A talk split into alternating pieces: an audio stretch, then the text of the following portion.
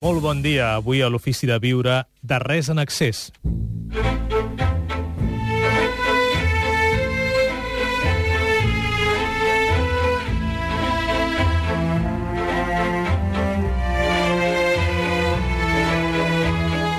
Gaspar Hernández, l'Ofici de Viure.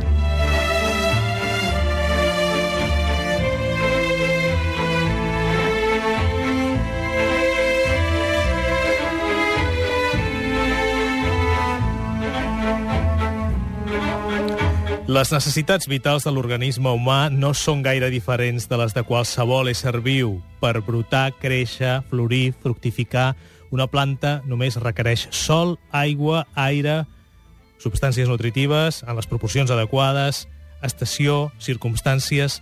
Un excés o falta d'aigua, una manca o excés d'exposició al sol poden ser fatals. I de la mateixa manera passa amb l'organisme humà, que requereix que els elements naturals del seu entorn estiguin sempre en la justa mesura. Quan els excessos o les deficiències passen un cert límit o es perllonguen, desgasten l'organisme i posen en risc la salut. Un corrent d'aire fred, quan s'està calorat, pot provocar un refredat. Viure en un habitatge massa humit afavoreix diverses malalties. Tant l'accés com l'escassedat de sol repercuteixen negativament. Diu el doctor Masgrau, que ens acompanya avui a l'Ofici de Viure, que si bé tenim molta cura que no ens falti res, no som conscients del mal que fa l'accés. Quan ens trobem malament pensem que ens falta vitamines, minerals, proteïnes, fàrmacs pel dolor o la inflamació, en lloc de pensar què és el que ens sobra. Recordem que els animals menys voraços que l'home, el primer que fan quan estan malalts és aturar tota la seva activitat, també la del menjar. Ens hem oblidat de la moderació, mal vista en general tant a la taula com a la vida, la moderació, perquè és sinònim d'avorriment i sacrifici, hi ha la creença que només allò que és excessiu és divertit. Però menjar molt no vol dir estar ben alimentats, ben al contrari, un excés de menjar en fita porta a la saturació de residus metabòlics, al mal funcionament de l'aparell digestiu, perquè el que nodreix no és el que es menja, sinó el que s'assimila. Horaci parlava del daurat terme mitjà, el punt intermedi entre la desmesura i l'austeritat, estar satisfet amb el que es té i no deixar-se endur per les passions. Mediocritas era pels grecs un atribut de la bellesa i per totes les filosofies orientals entesa com a moderació, condició indispensable en el camí cap a la saviesa. Avui a l'Ofici de Viure, de res en excés. Paracels. Totes les substàncies són verinoses. És la dosi el que diferencia un verí d'una medicina.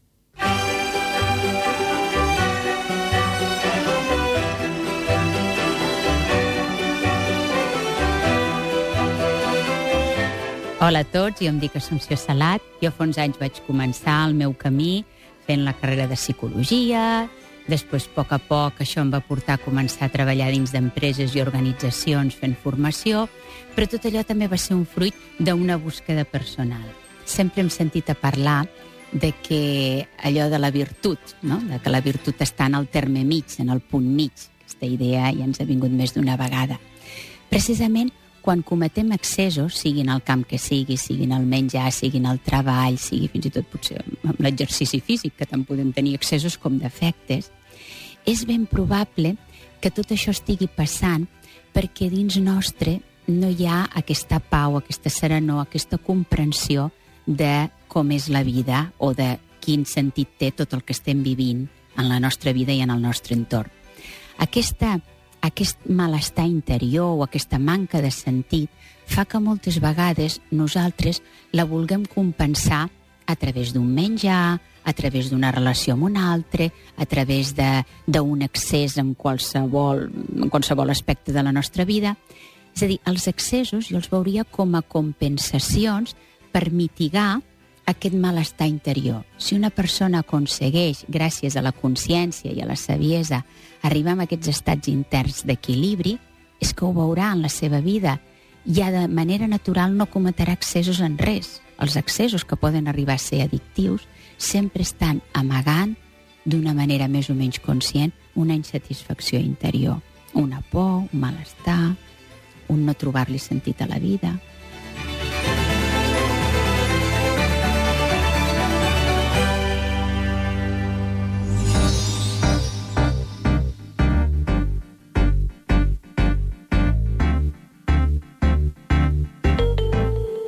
Avui a l'Ofici de Viure de Catalunya a Ràdio, de res en accés amb el doctor Masgrau. Doctor Miquel Masgrau, bon dia, ben retrobat. Bon dia. Com cada primer dissabte de mes, eh, el seu web és masgrau.net i allà hi penja alguns dels textos que complementen tot el que ha dit eh, avui aquí. Eh? De fet, és, de fet en, en el fons és, juntament amb l'Elisabet Pedrosa, que és la guionista i coordinadora del programa, primer treballa en aquests textos i després en fem el programa i després vostè té l'amabilitat de compartir-ho amb els oients. I també ens acompanya Enrique Escauriaza, Escauriaza, ho he dit bé, no? Correcte. Sí, molt bon dia, benvingut. És llicenciat en Dret, doctorat, en Humanitats i coach en Alimentació Conscient. El web és alimentacionconsciente.com no és la primera vegada que parlem de l'alimentació conscient. En tot cas, eh, podríem començar co- comentant aquesta afirmació de l'Assumpció Salat, psicòloga, formadora, que ens deia que quan hi ha alguna cosa en excés o alguna addicció és que volem com una mica com tapar un buit. Eh? Sí. A, a mí me gusta la idea de- del ruido, ¿no? A veces cuando, cuando tenemos un vecino que ronca, ponemos la televisión alta. Entonces, los excesos, el comer en exceso, el- muchas cosas que hacemos en exceso, son ruidos que quieren tapar un sonido que hay detrás que no queremos oír, ¿no? Molt interessant. Vostè és basc. I avui mateix ha vingut de Bilbao. Eh? Gràcies per venir, per estar a l'ofici de viure. I allà, eh, bé, com aquí, però es menja molt bé. Eh? I precisament tampoc són, no és cuina minimalista, la cuina típica basca. No és allò que et quedes amb gana, eh? sinó que es menja molt bé. Eh, quan parlem de l'accés, de què estem parlant, segons vostè? Bueno, el exceso es utilizar la comida para algo que no es alimentarse. Es decir, si, si eres eh, vasco y te dedicas a trabajar en el monte, pues evidentemente te puedes comer un chuletón, eso no sería un exceso. Eh, el tema es cuando te comes un chuletón que no necesitas y lo haces porque estás cubriendo una ansiedad, o estás cubriendo un miedo, o estás cubriendo una tristeza. Eh, efectivamente lo que estamos haciendo en esta cultura es tapar muchas cosas con la alimentación, ¿no? Entonces, curiosamente no suelen ser precisamente el chuletón ni la verdura lo que suelo- lo que normalmente utilizamos, ¿no? Pero cuando la gente come chocolate en exceso, dulces en exceso, carbohidratos en exceso, puede haber, no siempre, un tema de que hay algo que solucionar que no tiene nada que ver con la comida, ¿no? Es un tema emocional. Bé, després hi aprofundirem. I la primera reflexió del doctor Masgrau, quina seria? Eh? Vostè sempre cita Paracels. Paracels deia tot és verí i res és verí. Depèn de la dosi. Exacte. I amb el menjar passa exactament igual. El que és que vivim en una societat excessiva, com heu dit. No? Llavors tot, tenim, diguem, el, el, el criteri de lo que és excessiu i el que no ho és, com una mica esbiaixat cap a l'excessiu. Perquè ens sembla normal el que realment, si tenim en compte el que és la nostra pròpia naturalesa, és excessiu. O sigui, el, el menjar que fem quotidianament, és, des del punt de vista de la nostra història, diguem, de la història de la humanitat, és excessiu ja. O sigui, mai s'havia menjat tant. Mai s'havia menjat tant, mai s'havia menjat tan malament, tampoc. No? Dir, els hàbits són completament diferents. Llavors, moltes vegades el que considerem normal és excessiu. I llavors, quan fem un excés a sobre, llavors ja és un excés sobre l'excés. I això genera malestar, genera patologia, i sobretot genera una, una deformació de la, de, de la consciència, no? Per això, quan parlant del dejuni alguna vegada, una de les virtuts del dejuni, part de les físiques que pot tenir de, de, de, de netejar el cos, és sobretot mental. O sigui, és veure que la gent és ser conscient que pots passar 3, 4, 5, 6 dies sense menjar i no tan sols no et trobes malament, no tan sols no mors de gana, sinó que et trobes molt més bé. Llavors la teva relació després d'un dejuni, amb la teva relació amb el menjar canvia completament. I jo diria que la teva relació amb la vida, o sigui, vas molt més lliure. O sigui, no estàs tan pendent com, es, com avui encara la majoria de persones estan pendents que s'assembla que si se salten un àpat s'hagin hagin de quedar Clar, desmaiades. és, aquest és el problema, que mengem perquè és l'hora de menjar, però no Exacte. necessàriament perquè tinguem gana. Exacte, o sigui, el, el, el, qua- el, sobre el menjar tenim ni clar el quan, no? L'hora d'esmorzar, l'hora de dinar, l'hora que toca, no? El, les persones més conscients tenen el, en compte el què, no? El que s'ha de menjar, el que no, llavors això també és un motiu moltes vegades de preocupació. Però el que no es té en compte és el com, no? El com i, i, i sobretot la, la, o sigui, la relació que tens tu amb el menjar, no? No, no mengem per, per alimentar-nos, sinó que mengem realment per, per vici, jo diria. Eh? Mengem massa. Mm, Sí, i està I qui- d'acord? Sí, Pues sí, sí, precisamente de estas preguntas de, del cómo y el qué y el... A nosotros nos gusta explicar que si sabes para qué comes, las demás preguntas caen ellas solas, ¿no? Si tú sabes, una persona naturalmente delgada que no tiene un problema y ya sabe para qué come, come para quitar el hambre, con lo cual, pues, ¿qué come? Lo que quiere. lo que en ese momento le resuelve el hambre, ¿no? Que es precisamente lo que le da mucha rabia a la gente que tiene problemas de peso, ¿no? Los delgados comen de todo, ¿no? Y lo come tranquilamente, sin tener que ocultarse, sin tener que pasar luego ninguna sensación de culpa. Y lo come, ¿cuándo lo come? Pues lo come cuando tiene hambre, no, no, no tiene que seguir esas normas de por la mañana, por la, o las cinco veces que te dice un médico, o las... No, pues cuando tiene hambre come, ¿no? Y entonces a la pregunta de cuánto come la tiene muy clara, como como para quitar el hambre, dejo de comer, o sea, termino de comer, el cuándo es cuando se me ha quitado el hambre. Si alguna persona que la, la primera pregunta que es ¿para qué como? La respuesta es quitar el estrés, quitar el cansancio, quitar una tristeza, quitar una soledad, o a veces resolver una alegría. Cuando pone una sensación emocional en la comida en vez del hambre, pues las demás respuestas, ¿cuándo comes? Pues siempre, porque siempre te pasa algo de esto, ¿no? Siempre hay una tristeza, siempre hay una alegría, siempre hay algo que te haga comer si la alimentación es emocional. ¿Y cuándo paras? Pues nunca, o paras cuando se acaba la comida, porque como no te va a resolver el problema emocional el comer, y el cuándo vas a terminar de comer, no te lo va a resolver. Seguramente te lo va a resolver cuando se acabe un paquete de donetes o cuando se te acabe la tableta de chocolate. Mm. Sí, aprofito per dir que l'Enrique Escauriaza està en plena forma, està fet un top model, vostè, eh? si em permet la broma. Vull dir que, no, que problemes d'alimentació sap la teoria, com si diguéssim. No, no, no, si la teoría no. Yo he pesado por encima de los 100 kilos en la mayoría Què diu ara? Què diu? Sí. Ah, no ho sabíem, això. Sí, sí, sí. Val, val, o sigui Pero que fet aquest no aquest solamente lo digo, sino que la prueba está en la web que tenemos. Mm, Está nuestra foto y, y fotos de hace cinco años, ¿eh? no de hace. Vale, sí con que... ciento y pico kilos. Sí. Val. I per tant, quants quilos es va primar? Pues me habré quitado, siempre digo lo mismo, eh, de la última vez ahora quizá 12 o 14, pero en mi vida cientos de kilos, ¿no? Porque Claro. yo soy de una persona de estas que siempre ha estado un poco lo que hablábamos en el exceso, ¿no? Siempre he pasado del exceso de comer al exceso de hacer régimen. Entonces, Claro. toda mi vida la he pasado años en los que he estado delgado en verano, gordo en invierno, delgado en primavera y haciendo pues la Ducan, la, todas las miles de dietas que hay, una y dos veces al año. Entonces, I al en final, total me habré quitado, yo qué sé, 300 kilos. I al final, per tant, ha trobat el punt mig, ha trobat l'equilibri sí. i és el seu propi mètode d'alimentació conscient. Sí. Dejar de preocuparme exactamente en todas las demás cosas y preocuparme solo en para qué como. Va, Si es para hambre, como. Si es para otras cosas, No intento menges. solucionarlas. d'acord. Avui a l'Ofici de Viure, de res en excés.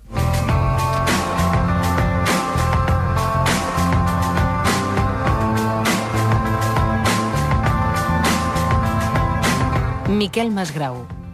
Avui vivim en una societat tan excessiva que el que considerem excés és, de fet, un sobreexcés.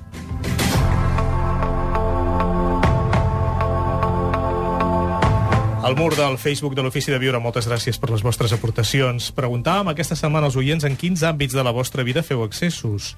L'Alexia ens diu que feia excés en menjar, aconseguint anar amb el metge especialista i voluntat meva i del meu marit, bé que ho ha solucionat. La Montse diu que costa trobar el punt mig. La Vero diu, em costa trobar el punt mig, faig excés de menjar, de beure, de neteja, excés de neteja també. Diu, de repent no em sento bé en els excessos, doncs per defecte ni menjo, ni bec, ni tan sols netejo casa de cop i volta fins que m'agobio i torno a pecar per excessos. En Jordi diu que fa excessos a la feina, tot i que ara per ara és un excés conscient amb l'objectiu de reorientar la meva vida professional.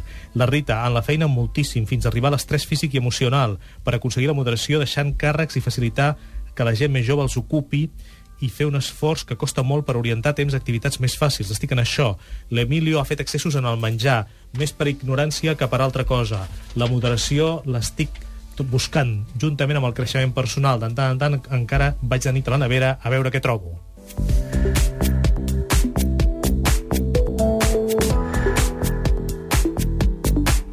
I ens hem trobat amb altres excessos, eh, l'accés de la beguda, l'accés de les relacions, eh, l'accés en el sexe, l'accés en els medicaments amb les despeses que suposa, accés amb el temps que passen els nostres oients a les xarxes socials, accés eh, enganxats al telèfon mòbil, I el gimnàs. accés al gimnàs també, efectivament. I aquí hi tornaria aplicant tot això que hem dit, doctor Masgrau, de res en excés. De res amb excés, clar. La moderació és una cosa que s'ha d'aplicar, de fet és una virtut, que s'ha d'aplicar a, totes, a totes les altres virtuts, fins i tot a la mateixa moderació. O sigui, tampoc... s'ha- Tampoc passar-nos... Sí. Exacte, exacte, vull dir, fer, per això que no, no s'ha de fer un esforç no ha de suposar un esforç el, el no fer un accés. L'accés és l'esforç. O sigui, la, si la, el que necessita el no fer un esforç és l'accessió.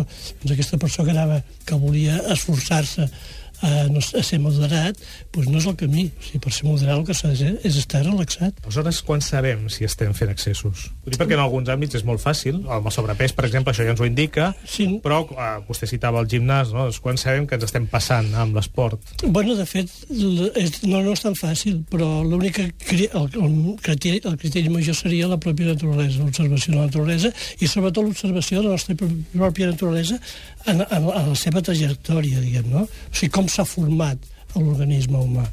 Llavors, per exemple, el cas de l'exercici, l'home sempre s'havia mogut per procurar-se menjar, per moure's...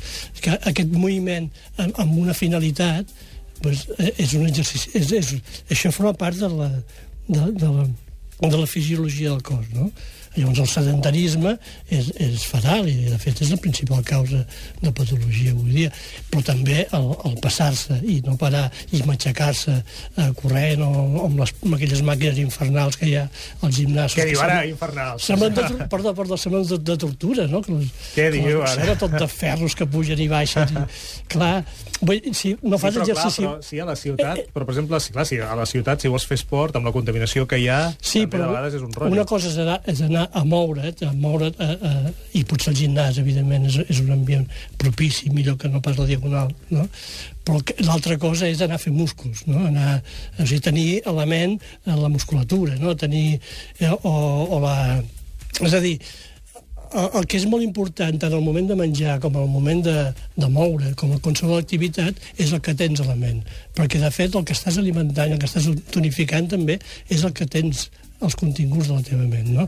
Llavors, si menges mm, amb por de- de- d'engreixar-te, normalment t'engreixes, saps? Si, si, si fa- fas un exercici per, per tenir músculs, doncs, bueno, bueno, és això, tens músculs, saps? Però poca cosa més, a vegades. Recordem que el doctor Masgrau té un llibre dedicat al plaer de deixar de fumar, que podeu descarregar gratuïtament a la seva pàgina web, i eh, també aquí hi ha accessos, no? Hi ha els accessos de les addiccions, i fumar és una addicció. Sí, però veure, el fumar és un, és un exemple ben clar del, del, de les tentacions de la, o del, del món en què vivim. És la societat que és excessiva. El, el, el tabac, per exemple, no, ningú pot dir que sigui dolent en el seu origen. És una herba sagrada, vaja, és una herba que té la, la seva història. I és... Però, en canvi, al, al segle XX es va muntar la màquina aquella de fer cigarrets i una sèrie de gent que, que, que es van muntar a veure com aconseguir vendre aquells cigarrets a tothom, no? i han aconseguit enganxar tota la humanitat amb, amb petites dosis de cigarrets barrejats amb qui sap què, amb substàncies addi- addictives, no? Llavors, està, és la societat que crea aquesta insatisfacció, que ens porta a l'accés contínuament. Ens porta a l'accés perquè, perquè ens fa ser insatisfets. I en el cas de l'alcohol que no siguin destilats, per exemple, el vi també és sa, no? però no en excés. Clar, tot és la quantitat. És que, de fet, quan l'home, que l'ésser humà menja poc, tot li aprofita. Sigui, la llet, per exemple, és fatal, la llet com a aliment és una cosa que... Pel canvi, eh, a la Índia, per exemple, la llet, eh, pots, pots viure a base de llet. És que l'home, quan té... És capaç d'aprofitar, té un sistema digestiu que és capaç d'aprofitar qualsevol aliment. No? Però és clar, quan ja estàs ben alimentat i a sobre li poses llet de vaca, que és per alimentar un vedell, que, que en quatre dies es, eh, pesa no sé quants quilos, doncs que allò, allò dintre del cos és una bomba, no? O sigui, tot depèn, com deia Paracels, de la dosis.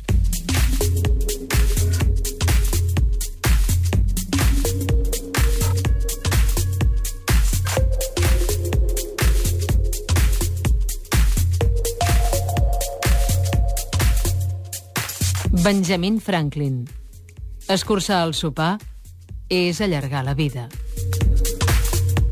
Gran frase, eh? La de Benjamin Franklin. Sí, Sí, sopar poc. Eh? sí. Ja es diu, no?, que qui menja poc menja més, no? Sí, Enrique. Sí, Com a mínim menja més temps.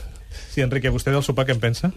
Bueno, nosotros lo que pensamos es que, que lo que hay que hacer es saber el hambre que tienes. Entonces, eh, cenar poco o no, depende, depende de lo que has comido, ¿no? Depende realmente qué es lo que necesitas, ¿no? El ponerte una norma externa a tu alimentación tiene la dificultad de que no vas a conectar con tu, con un sensor que, que todos tenemos, ¿no? Que es un sensor que los niños nacen con el sensor y mucha gente lo mantiene Que el- el Los animales, claríssim, por aquest supuesto, sensor. Sí, sí, sí. Ahí está. Sí, sí, ahora, me gustaría luego decir una cosa sobre los animales, que es un muy aprofiti, claro. aprofiti. Pero primero, sobre los humanos, tenemos este sensor y si no lo tapamos con cosas, si no le ponemos emoción encima, lo seguimos teniendo. Los niños tienen hambre, juegan y en cuanto ya tienen suficiente energía con, con una galleta, quieren volver a jugar, no quieren seguir comiendo. Nos van enseñando que, que no, que hay un niño en África que se muere de hambre si tú no te acabas tu comida, que te acabes el plato, que termines tal, que tienes que ir corriendo porque si no pierdes el autobús y te empiezan a poner esas prisas y esas obligaciones encima de tu comida que 30, 40 años después sigues teniendo, ¿no? Más, más cosas que has ido poniendo, ¿no? Pero si no pusieses eso, el sensor te diría exactamente si tienes que cenar poco o mucho. Te lo diría claramente. Hay mucha gente que se lo dice, ¿no? Efectivamente, a los animales es igual, ¿no? Y hay un ejemplo que a mí me parece muy curioso, como nos- los humanos nos vamos alimentando en esta vida, en esta sociedad actual, en la que tenemos una tienda abierta 24 horas debajo de casa, nos vamos alimentando algunas cosas curiosísimas que, que si se las diésemos a un animal, eh, su dueño nos, nos dejaría de hablar. De hecho, eh, cualquiera dueño de perro, si le das una cosa dulce a, a su perro, se enfada contigo. Y si vas al zoo y le das algo a los animales, te echan del zoo. O si alimentéssim els animals amb patates fregides, Ahí está. Entonces, deixarien de ser els nostres amics. y sin embargo, lo que no damos al mono del zoo porque te echan, se lo damos a nuestros hijos. Y es lo que les enseñamos a comer. Caram, és inquietant, eh, aquesta És afirmació. sí. sí. Bé, i eh, repassant també alguns altres dels hàbits per, per també anar concretant eines per tal d'alimentar-nos bé sense excés, vostè ens ha dit, Enrique, siguem molt conscients de les nostres emocions, Sí. no vulguem tapar les emocions, no vulguem tapar aquest buit, però d'emocions en tenim cada dia i cada dia tenim, hem tingut bons dies, mals dies, ens ha passat això, una altra cosa, és clar, no som autòmats. Llavors vol dir que cada dia, en el fons, la nostra dieta ha d'anar variant. Está, sí. Sí, y lo que hay que hacer es ir, trabajando la emoción, ir haciéndose amigo de tu emoción. No, precisamente nosotros lo que enseñamos, que es una técnica de mindfulness, que es ir conectando, ¿no? ir siendo cada vez más consciente, por una parte, de los sensores físicos, de esa, de esa sensación de hambre y esa sensación de saciedad, y por otra parte, de las emociones. ¿no? En la técnica del mindfulness se desarrolló inicialmente para, para trabajar el estrés en Estados Unidos hace 30 años, que funciona impecable, se trabaja en las empresas para reducir un montón el estrés se fue viendo a raíz de unos estudios de un doctor Kabat-Zinn que curaba cosas físicas relacionadas con el estrés, como era la psoriasis. Los primeros grandes estudios se hicieron sobre psoriasis, enfermedades de piel, y en esos estudios se vio que claramente afectaba la alimentación de la gente. ¿no? La gente que estaba haciendo el trabajo de mindfulness iba regulando su alimentación, iba volviendo a su peso si tenía un problema. Entonces se vio que, claro, lo que estaba ocurriendo es que lo mismo que ante algo que te ocurre externo, si aprendes en las técnicas del mindfulness, sabes, en vez de responder, en vez de reaccionar directamente, sabes tener ese pequeño colchón y responder, ante una alimentación emocional, también sabes tener ese pequeño momento y responder a ese estímulo. No sencillamente reaccionar y comértelo todo antes de que sea muy tarde.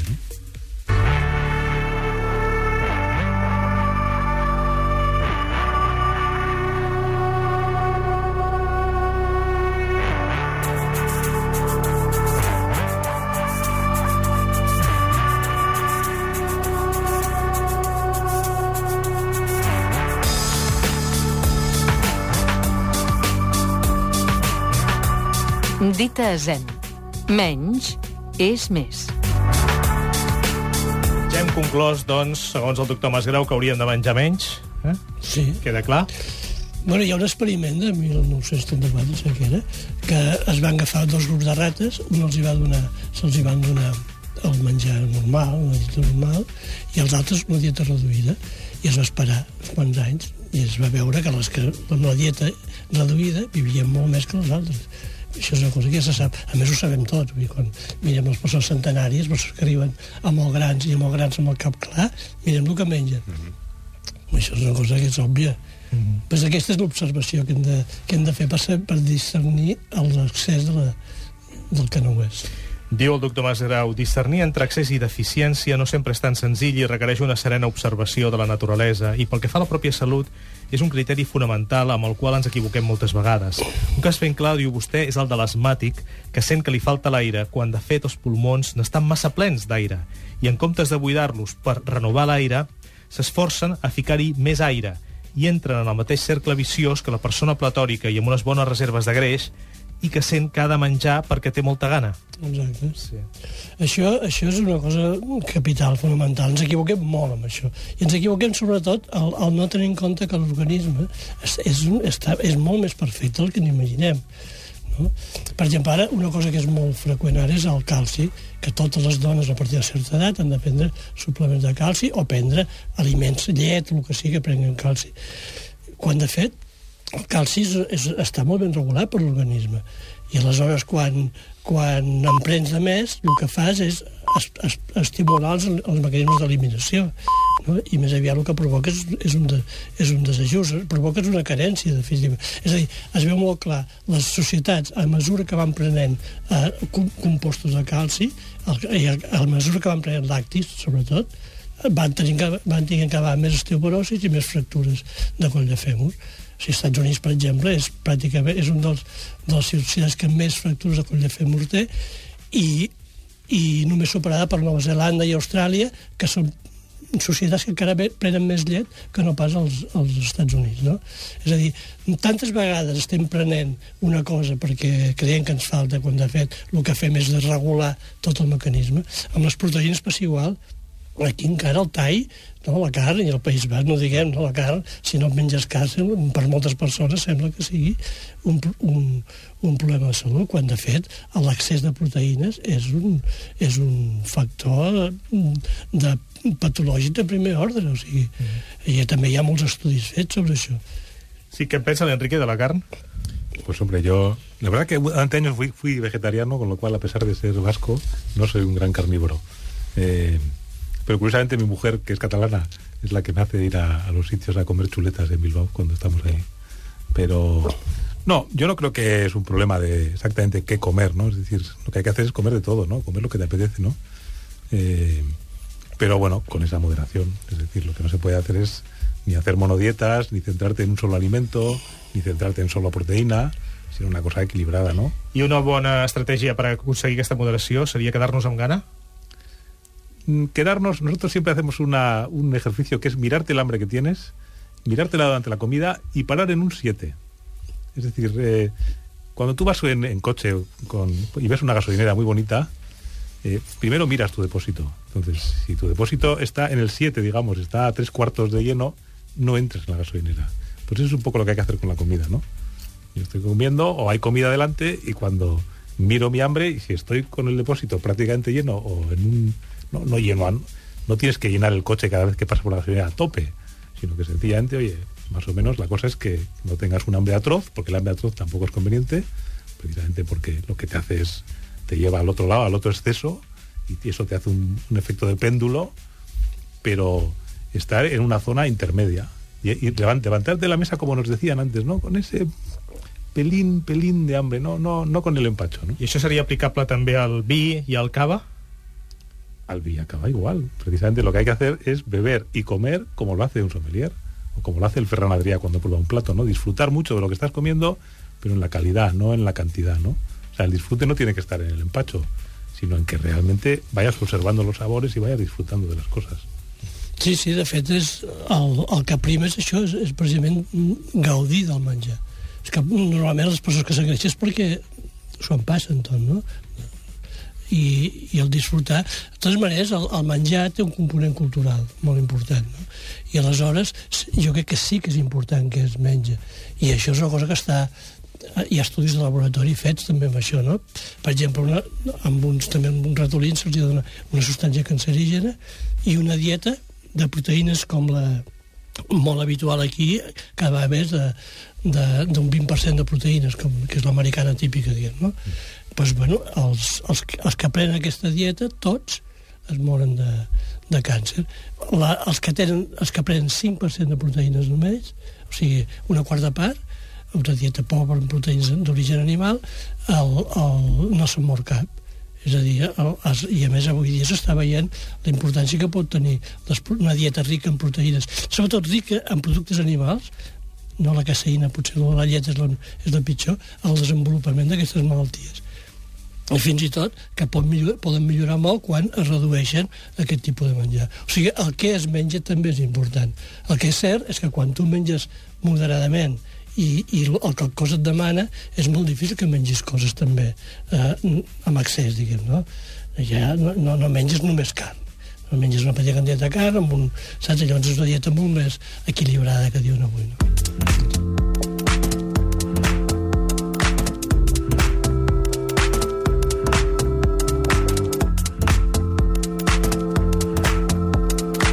Ara, també hi ha la cara i la creu, perquè diu el doctor Masgrau que són bons els aliments naturals en la seva justa mesura quan s'adequen a la naturalesa de cadascú. Perquè, per exemple, un excés de pastanagues perjudica el fetge, i massa amanides, perquè clar, aquí sembla que ara estem pensant molt en les amanides, no? Sembla una conclusió del que hem dit fins ara, no? Massa amanides, saludables per alguns, diu vostè que tampoc no convenen a les persones de naturalesa freda. Clar. O sigui, tampoc no, no hi pot haver ni excés de pastanagues ni excés d'amanides. No, no, és que ha de ser, i ha- s'ha de, un s'ha de guiar pel, pel seu propi gust, no? I, de fet, quan ets moderat, el, el, la teva mateixa naturalesa t'indica el que, el que pots, el que és bo i el que convé, saps? El problema és que quan fas un excés de dolç, de xocolata, el que sigui, aleshores perds control perquè són coses que et demanen més. Et creen un desequilibri que et demanen, et demanen cada vegada més. No? La persona que és addicta al dolç Sí. La xocolata és molt addictiva, no? la xo- no, i tot, i el, i el sucre, per exemple, és que el sucre hi ha per tot arreu, és una cosa, és una, és una plaga. Sí, i de fet, la, les malalties de la civilització, una de les que hi ha més ara és la diabetis, no? Sí, l'home té una, té, tenim una mentalitat molt estranya, és a dir, mirem enrere i estem contents perquè ja no tenim les malalties de la misèria, no? Ja no tenim tuberculosi, ja no tenim pulmonies, ja, saps? Diguem, oi, això ja està, ara, ara som, ja so, estem sants, no? Pues que no tenim això, però tenim les malalties de l'accés, tenim la, les cardiopaties, tenim el càncer, tenim la diabetis, no? que són l'equivalent de l'altre.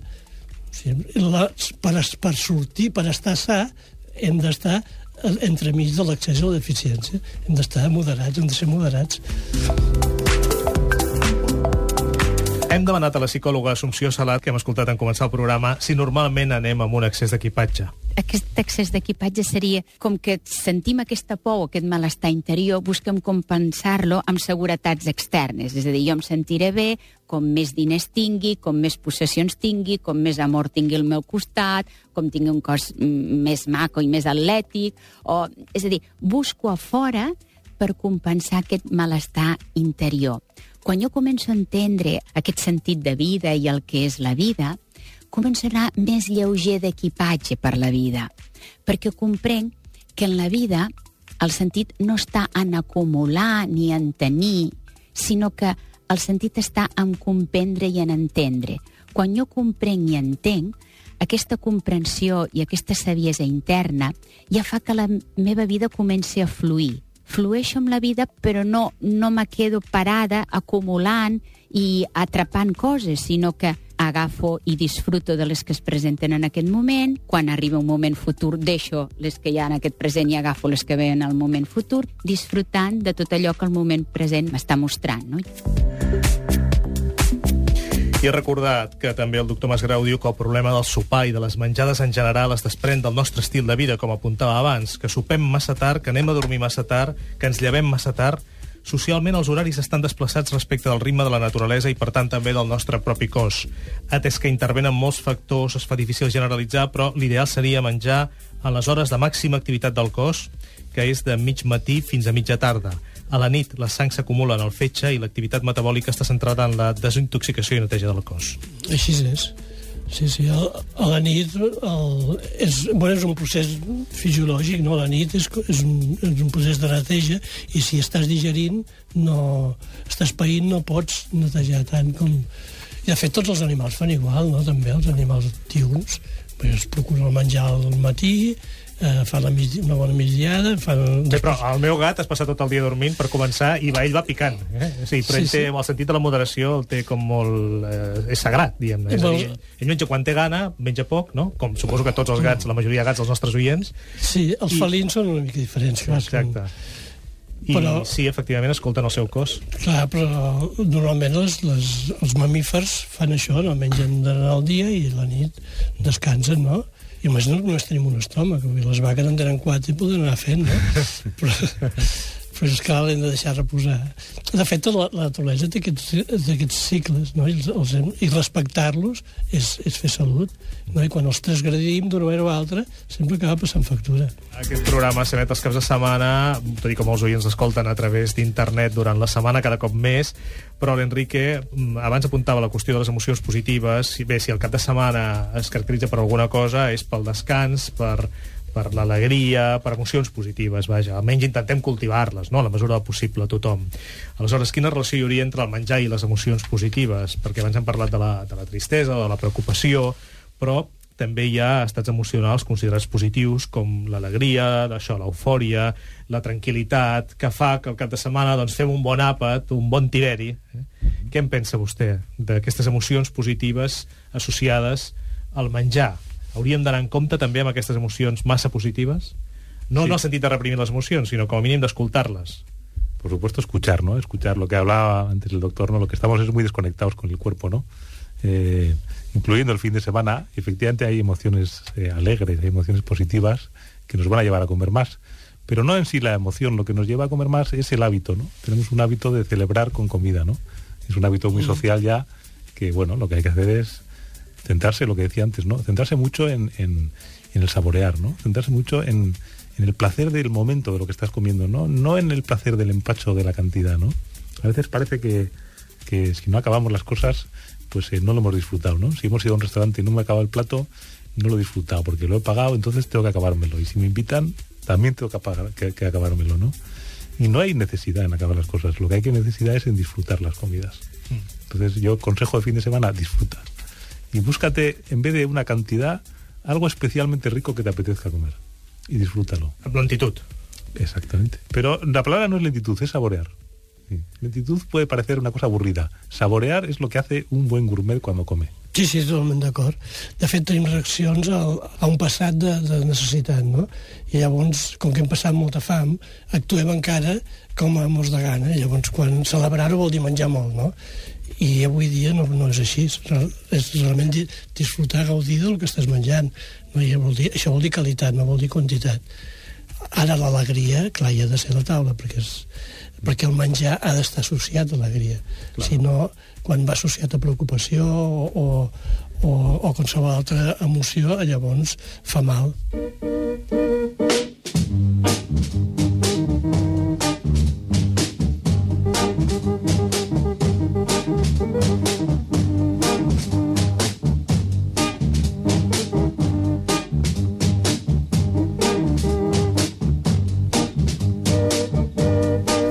ullada. Avui ens acompanya l'Eduard Terrero, també. Eduard, molt bon dia, benvingut. Bon dia. De l'Associació dels Amics de l'Ofici de Viure, associació sense afany de lucre, eh, que esteu preparant moltes activitats i de la mateixa manera que l'Àngels Campà ve a visitar-nos de tant en tant per explicar-nos què teniu en ment i què esteu organitzant, sempre amb molt d'èxit assistència arreu dels països catalans.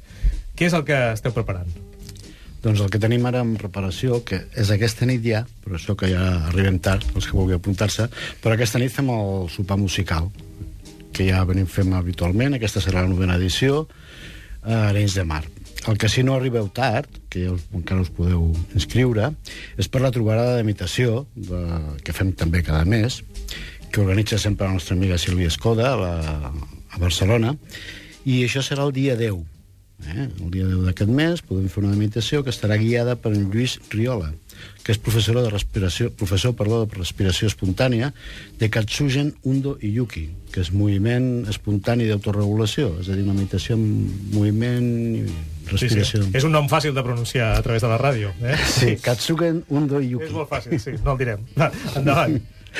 Bé, doncs després tenim ja la trobada habitual de cada mes, que aquest mes ens anirem, serà el número 58, ens anirem a les Terres de Lleida, el dia 27 d'octubre. Encara no tenim el lloc concret, per això dic les Terres de Lleida. Estem a, bueno, pocs dies ja confirmarem a través del Facebook i dels nostres eh, correus electrònics el, el lloc exacte. Tindrem 50 places i aquest és un tema apassionant. Eh? És, la, és una introducció al tipus de personalitat segons l'enneagrama. Mm? Eh, els portarà la ponent de la jornada serà l'amiga eh, col·laboradora habitual del programa la Mireia Darder i després tenim ja el mes de novembre ens en anem Eh? La novena trobada dels Amics de l'Ofici de Viure al País Valencià, que es va consolidant ja. Es farà el dia 9, mm? dia 9 de novembre, i tractarà el tema com es mostrem als altres. Treballarem la imatge que volem mostrar als altres de nosaltres mateixos i, en canvi, la que veuen els altres. I qui el farà? El farà doncs, la nostra amiga i presidenta de l'associació, l'Àngels Campà, Escampar. Mm. Molt bé. i després ja ens en anem a la trobada del Club de Lectura d'Amics de l'Ofici de Viure, que és el dia 12 de novembre, a la llibreria Excellence, que organitza l'Anna Joanes, que ens proposa comentar el tema del de, poder del Tau, el llibre El poder del Tau, de Lou Marinov, que és també autor del llibre de Mas Platón i Menos Prozac. Molt interessant. Els oients que vulguin més informació poden anar al web amicsdeloficideviure.net, també al Facebook, també esteu preparant loteria de Nadal, eh? Mm El número és el... Quin és? El 90... 98.476. Que tocarà, no? Tocarà, Molt segur. bé. ja, de, recordo que d'aquí uns instants arribarà a l'ofici de viure en Raimon Samsó amb la seva secció Com tenir feina. Després en Jordi Llavina amb els e-mails d'amor. I aprofito per dir que eh, des de fa unes setmanes, com molts dels oients saben, TV3 ha estrenat un programa que és cosí germà de l'Ofici de Viure, amb molts dels col·laboradors de l'Ofici de Viure, amb molts dels continguts de l'Ofici de Viure de Catalunya Ràdio, que es diu Suma Positiva, dirigit per en Miquel Calzada i presentat per la Tatiana Sisquella, i que aquest cap de setmana, demà, parlarà de la passió amorosa. La passió amorosa, els xinesos, crec, doctor Masgrau, que diuen coses, no?, de la passió. A vegades, quan et volen mal, et desitgen una passió. Tant de bo tinguis una passió, precisament pel tema que estem comentant avui, perquè aleshores perds l'equilibri, perds la ponderació, te'n vas ja a un excés. Clar, clar, és un excés. Sí, sí. És que l'accés d'alegria també també fa mal. És a dir, segons tinc entès, els, els, els partits de futbol, que hi ha tanta gent, de tant en tant se'n mor algun, algun d'un infart, sí. i es mor no quan el seu equip està perdent, no, no, sinó quan el seu equip fa un gol. O sigui, és aquesta alegria la que col·lapsa el cor. O sigui, pot ser fins i tot perjudicial pel cor. Sí, bé, el que cal recordar és que és això, que l'eufòria, ja vam dedicar-hi un programa, no? Però Sí. que no estem molt a favor de l'eufòria sistemàtica o d'aquesta recerca social de l'eufòria. Bueno, no, que és això, és un excés, és anar d'accés en excés. O sigui, el que és moderat avui dia no sembla avorrit, com dèiem, no? Clar. I, i la passió, evidentment, és un, és un plat exquisit. Moltes gràcies, doctor Masgrau, per haver tornat a l'ofici de viure. La passió està, ha de ser cada dia amb les petites coses. Clar. Enrique Escauiaza, moltes gràcies per haver vingut al programa i l'Eduard Herrera també. Fins ben aviat. D'aquí uns instants, Raimon Samsó. Soc Àlex Rovira i aquests són els principis de l'ofici de viure. Humilitat, prosperitat, consciència i amor. Un programa fet amb rigor. des de l'amor. i pel benefici de tots els Cèsars. Feu podcasting allà on aneu amb l'ofici de viure. Al web catradio.cat teniu tots els ofici de viure mesos a la vostra disposició per escoltar sempre que vulgueu. L'ofici de viure amb Gaspar Hernández. Un programa sobre conducta humana. L'ofici de viure. Més de 6 milions de descàrregues la temporada passada. L'Ofici de Viure, la sort és que és un programa que s'escolta des de qualsevol punt del món i que és intemporal. L'ofici de viure. Donar amor i, si pot ser, rebre.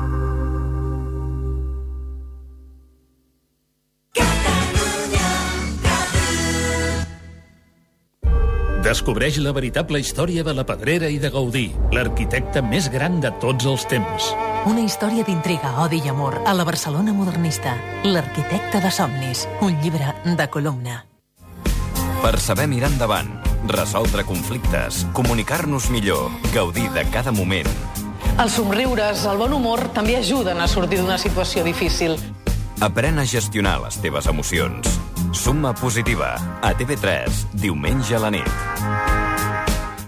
Heu pensat de fer un curs de creixement personal? Voleu viure en plenitud cada dia? Feu el curs Aula Interior per aprendre'n. Les classes són a càrrec del xerpa espiritual Daniel Gavarró, col·laborador de l'Ofici de Viure. Des de l'octubre fins al juny, un dissabte o un diumenge de cada mes. I no patiu pel cost, no serà un obstacle. Si ho voleu, no hi ha excusa. Us hi esperem. Informació www.aulainterior.net T'apassiona el cava?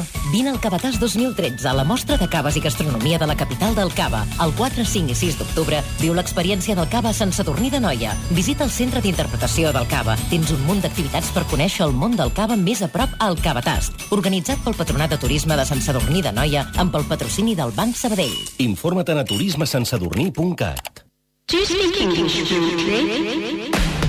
Ara l'anglès deixarà de sonar-te així. Amb el periòdico i Home English Now parlaràs anglès per trobar feina, viatjar i treballar amb l'ajuda d'un professor personal. Aquest cap de setmana la primera entrega per només un euro amb 95 amb el periòdico.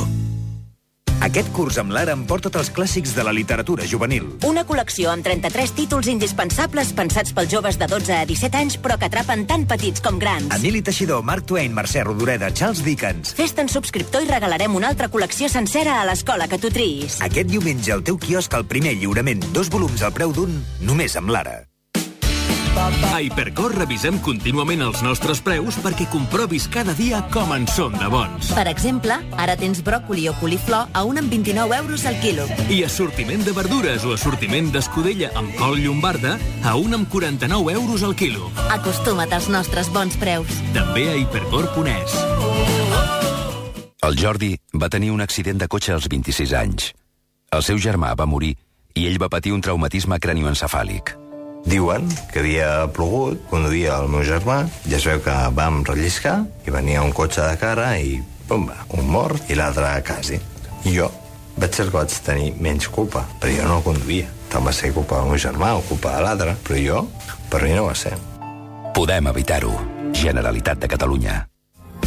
Per saber mirar endavant, resoldre conflictes, comunicar-nos millor, gaudir de cada moment, Els somriures, el bon humor, també ajuden a sortir d'una situació difícil. Aprèn a gestionar les teves emocions. Summa positiva. A TV3, diumenge a la nit.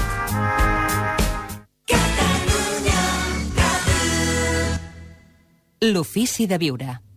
Un programa sobre conducta humana. Avui en Raimon Samsó, a la nostra secció Com tenir feina, ens proposa molt bon dia, Raimon. Bon dia. Preguntar-nos si el nostre treball és significatiu. Sí. Què vols dir amb això? Doncs és una pregunta important, perquè en funció de si és significatiu o no ho és, tindràs futur laborable o no. És a dir, tindràs feina o no tindràs feina en funció de si és o no és significatiu. Però què vol dir un treball significatiu? Un treball significatiu és un treball que és necessari, que és important, que hi afegeixes valor, que quadra amb els teus valors, que disfrutes. És a dir, si vols, ara farem mm, sis, sis passos, sis punts, sis preguntes, perquè els oients puguin veure si la seva feina ho és o no ho és de significativa. Molt bé. Però deixa'm primer, abans que, que ens fem una altra pregunta, i és per què treballem? Tots hauríem de preguntar-nos per què treballem. No és una pregunta tan òbvia. Si només em dius que és per guanyar diners, anem malament. Està bé, és necessari, òbviament, però hi ha un següent nivell. Aquest següent nivell és per, per gaudir, per disfrutar, per realitzar-te. Ja comencem a anar millor. És a dir, treballo per guanyar diners, però també per realitzar-me. I un tercer nivell és treballo per guanyar diners, treballo per, eh, per, bueno, per, per disfrutar, però també treballo perquè és una missió, és una visió, és un sentit de vida, és un llegat que vull deixar al món. Sí, recordem que fa un mes, quan obríem la temporada de l'Ofici de Viure entrevistant eh, el Robin Sharma, que alguns consideren un gurú, bé, però que és un coach, eh, un escriptor, l'autor del monjo que es va vendre al Ferrari, ens deia que ell dels bilionaris en bé que ha conegut doncs no n'ha conegut gaires que vulguin única i exclusivament fer diners, no? que, estan, que hi ha una, una missió, diguem-ho així, o una voluntat d'aportar un valor en un sector al món, de crear experiències, per exemple, com és el cas de Richard Branson, però que hi ha una altra cosa més enllà dels diners. I per això de retruc venen els diners. Exactament, d'aquest llegat. Per tant, la nostra feina serà significativa si compleix els tres àmbits. Eh? Guanyar diners, gaudir, però també eh, una missió de vida. Anem a aquestes preguntes o passos per veure si la feina que tenim és significativa o no. La primera pregunta seria si estem utilitzant tots els coneixements que tenim a la feina o no, perquè si no els fem servir no és prou significativa. L'altra pregunta seria, treballem amb tasques repetitives o en projectes interessants. Això ens dirà si és significativa o no. Una altra pregunta és si el nostre, la nostra feina ens estimula eh, professionalment, mentalment. Eh, Si és així, és que és significativa. Una altra pregunta que ens hem de fer és si el nostre treball té un impacte en el món, en la societat. Eh, Si és així, ho és, i si no, no és significativa. Una altra pregunta, podem ser substituïts per una altra persona o fins i tot per una màquina, un programa, un ordinador? I l'última que em faria, és a dir, les persones valem més eh, professionalment, eh? valem més que l'any anterior, perquè si no ho valem més, probablement no és significatiu allò que fem. Per tal de valdre més, entre altres coses, cal invertir en, en, en aprendre nous coneixements. En coneixement. És a dir, hem, hem de reforçar la nostra professió any rere any. Ens hem de reinventar any rere any. No hem d'esperar que arribi una crisi per fer-ho, sinó que ho hem de fer contínuament. I si fem tot això, serem significatius pel mercat i per les empreses. I si ho som, tindrem feina. Raimon Samsó, moltes gràcies. Fins dissabte, molt bon dia. Bon dia.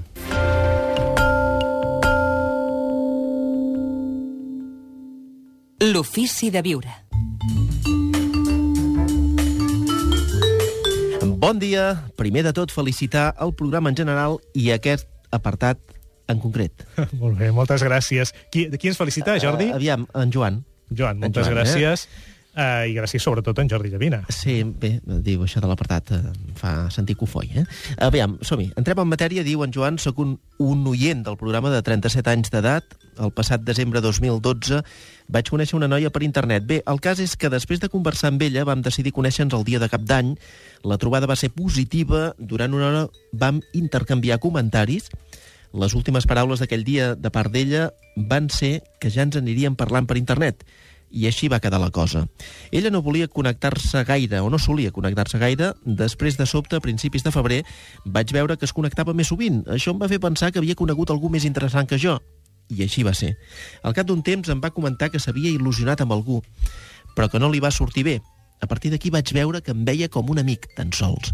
Com que a mi m'agradava la seva naturalitat i sinceritat en general, vaig pensar que una amistat era una cosa positiva, pel simple fet que no saps les voltes que dona la vida. Vaig canviar d'estratègia, sempre amb sinceritat i naturalitat.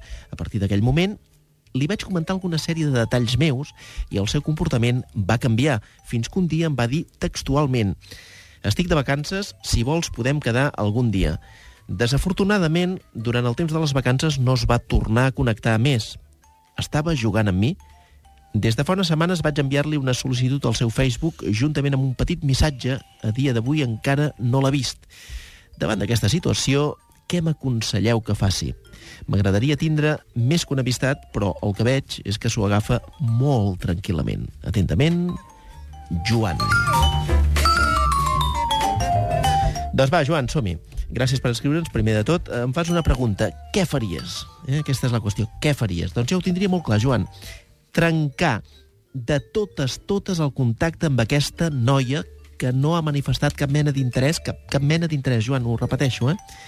envers totes les teves ofertes de diàleg. Deixa-m'ho dir així, deixa-m'ho abocar eh, a boca de canó pel broc gros, però és que ho, veig, ho sento i ho entenc d'aquesta manera. I entenc també que tu n'estàs molt d'ella, Joan. Bé, bé que també entenc que, que aquesta relació que heu mantingut fins ara no ha traspassat els límits de, del que és virtual i això i això genera de vegades una sèrie de malentesos perquè ens crea unes expectatives que no es corresponen amb el que realment eh, segurament hi ha, no? Borges, el, el gran escriptor argentí, va escriure una vegada un està enamorat quan s'adona que una altra persona és única. I tu caldria que et preguntessis si aquesta noia per tu és única. Però sobretot, Joan, caldria que et preguntessis si creus que tu ho ets per ella. I la resposta és clarament que no. No, no i no, de cap de les maneres. Ara bé, tu, com que n'estàs, i t'entenc perfectament, perquè jo també hi he passat per aquí. A la meva edat també hi he passat. I diverses vegades. I segurament encara hi passaré unes quantes vegades més a la vida. Si Déu em dóna salut. Bé, um, parles d'estratègia, perquè quan un està enamorat, naturalment no vol sentir a dir això que t'estic dient jo, però parles d'estratègia. Joan, permet-me que sigui una altra vegada franc, eh, directe, eh, frontal. No hi ha el menor indici que això pugui créixer, cap ni un, pel que ens en dius. Aquesta noia no es connecta, no es connecta per tu, no diu res. Eh, més aviat és esquívola. Què esperem? Hi ha un escriptor mexicà, Amado Nervo, que va deixar escrita una frase que a mi em sembla molt brillant. Diu, si no t'estimen com vols que t'estimin, què hi fa que t'estimin? Una persona enamorada, Joan, no passa dies sense connectar-se o sense contestar missatges. No ho fa. Crec, insisteixo, que els, els indicis són claríssims. No hi perdis més el temps. Què diu la psicoanalista Yolanda Sussin? Doncs mira, es pregunta si d'una amistat en pot néixer un enamorament. És un tema que hem abordat altres vegades, hem parlat d'amistats amoroses, d'amors eh, amistosos, però ella també també s'ho pregunta. De ben segur que seran moltes, o deuen ser moltes les parelles que, que respondran que sí, i que ho faran ràpidament, que és el seu cas. Però, i si els preguntem per la seva vida sexual? Aquest seria un estudi interessant. La psicoanalista no creu que es pugui generalitzar, naturalment, i que cada parella té la seva història, naturalment, i els seus orígens, etc etc. però no hi deu haver gaires diferències significatives entre una parella que té una forta atracció d'origen i una altra que s'ha anat fent partint d'una indiferència inicial. La polèmica està servida. Jordi Llavina, moltes gràcies. A tu, Fins demà. Els oients també. Demà hi tornem. Demà parlarem de l'èxit, de què podem aprendre de l'èxit. No només l'èxit professional o laboral o a l'empresa, sinó també l'èxit personal. Quan eh, estem la mar de bé, quan totes ens ponen, eh, com en Jordi Llavina, No, no, no, perdona. Aquí a qui has de convidar és el nostre tècnic Edu Arnàs, que és un home d'èxit en totes les seves facetes de la seva Tens raó, que passa que si el convidem, llavors qui tenim de tècnic? Ah, això també està, això està els molt bé. no sentirien les musiquetes. Ah, amb eh? això ho has vist clarament, ets, ets sagàs. Doncs aleshores, eh, demà parlarem de que quan totes et ponen, què has de fer per, per continuar eh, aconseguint que tot vagi bé. Molt bé. Fins demà, moltes gràcies. I